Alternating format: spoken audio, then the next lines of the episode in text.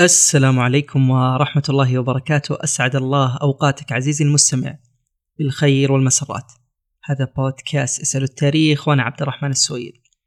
كالعادة يسعدني كثيرا ويشرفني متابعتك لهذا البودكاست وتقييمك له وإبداء آرائك ومقترحاتك وأيضا مشاركتك لهذا البودكاست لكل من هو مهتم في التاريخ.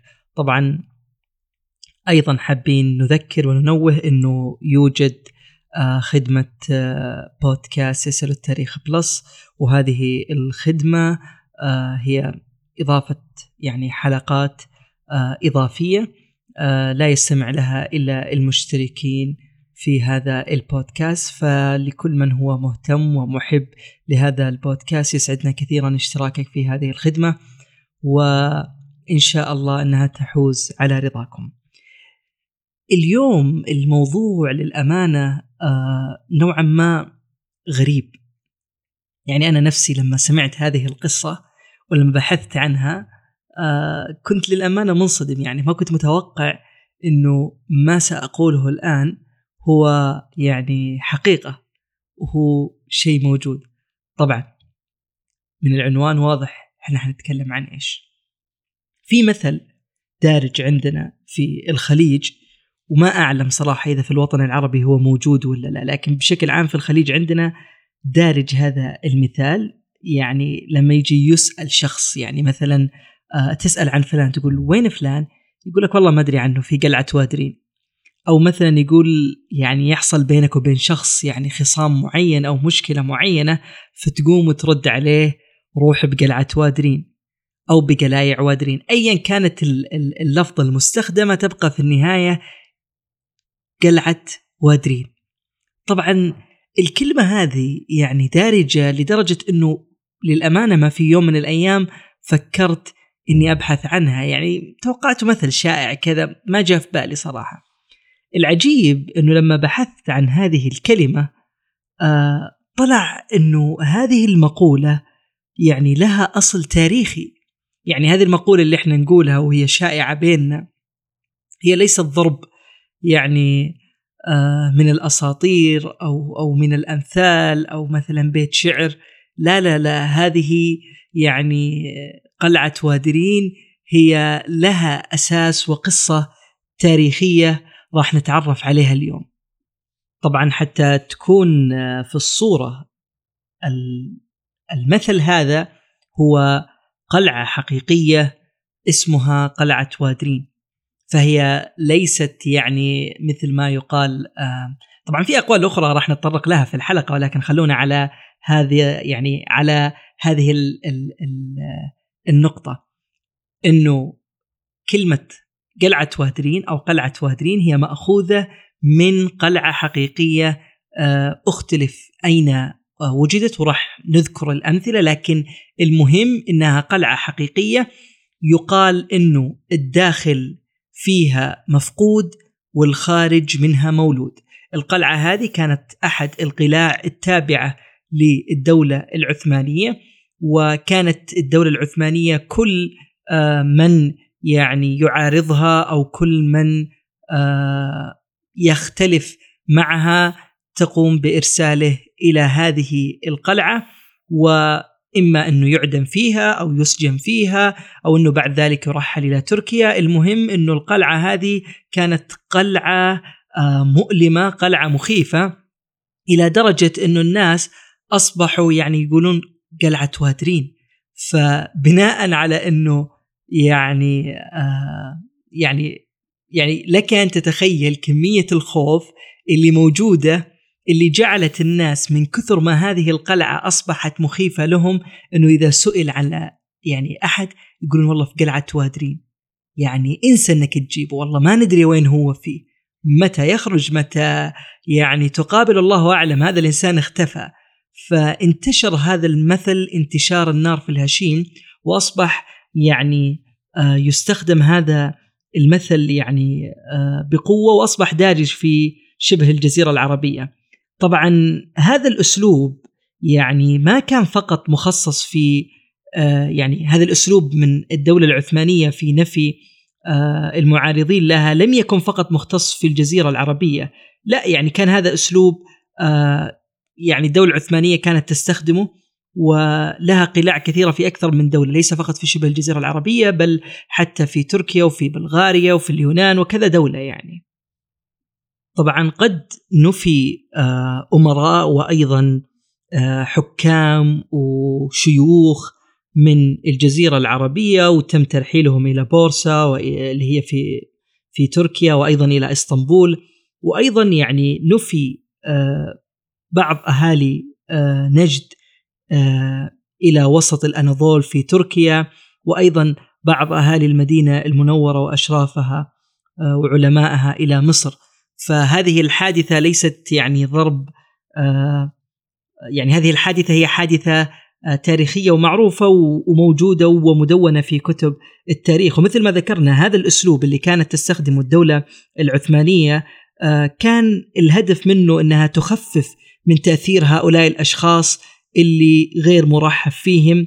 فعلى سبيل المثال يعني شيخ القبيلة عندما ينفى الهدف من ذلك إنه يتم ترهيبه وكسر شوكة هذه القبيلة وأيضا في بعض الأحيان يمنح يعني زعامة القبيلة إلى شخص آخر آه، يكون هذا الشخص موالي للدولة العثمانية فبالتالي يعني يصير في آه، مثل هذا الحراك في نفي آه، بعض المشايخ القبائل اللي يعارضون الدولة العثمانية فينفون إلى أماكن بعيدة مثل ما ذكرنا.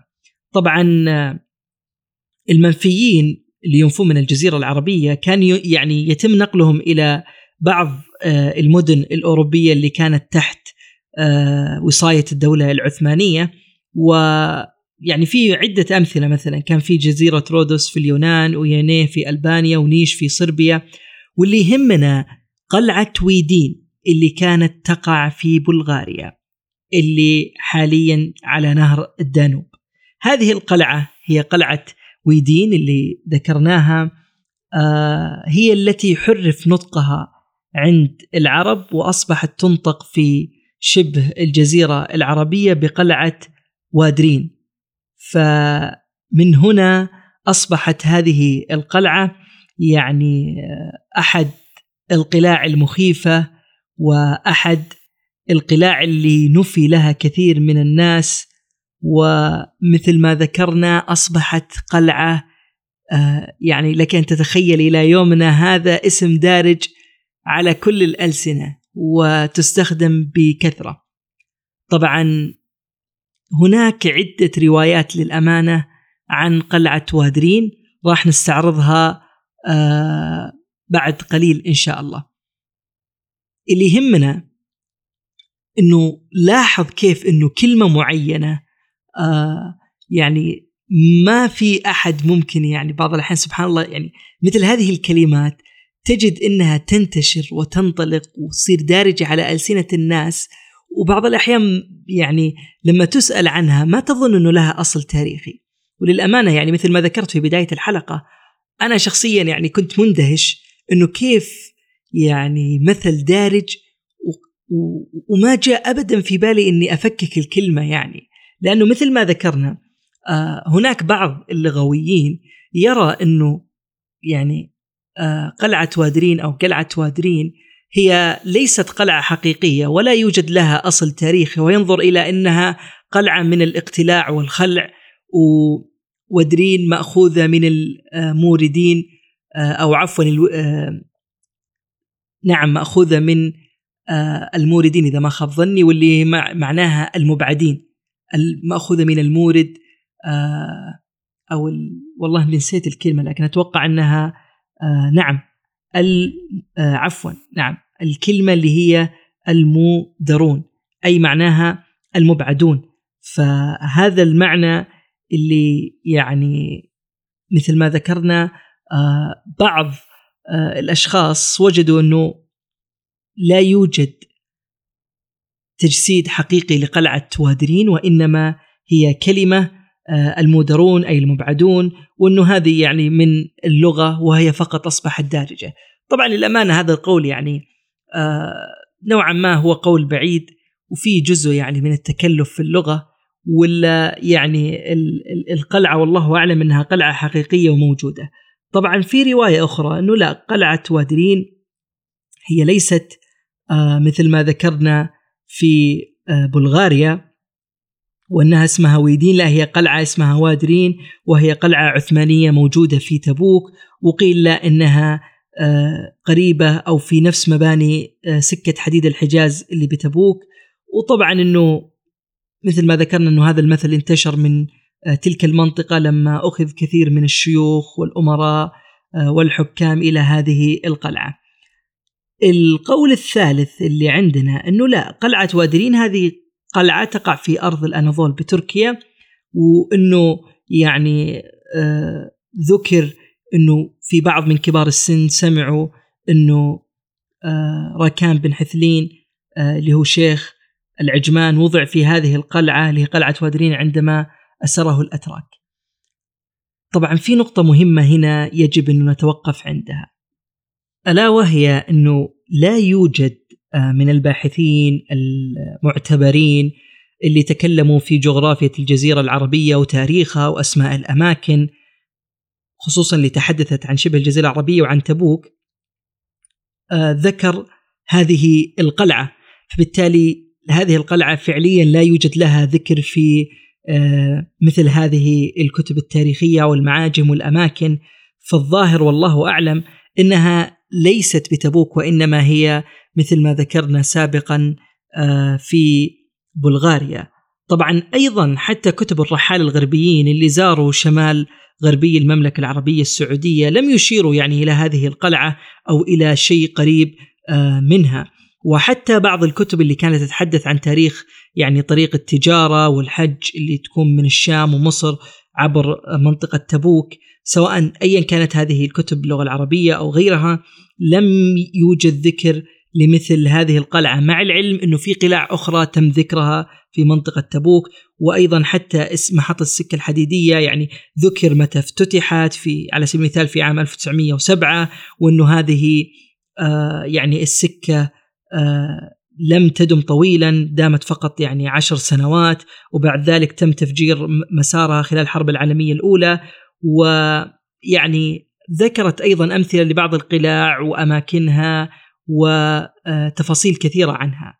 خلاصة الكلام اللي آه، حابين نختم فيه هذه الحلقة إنه قلعة وادرين هي قلعة حقيقية كانت منفى آه، للمبعدين من الدولة العثمانية ومثل ما ذكرنا الداخل فيها مفقود والخارج منها مولود إلى أن أصبحت مثل شائع آه على الألسنة يقصد به عن الشخص المبعد اللي لا يعلم أين هو.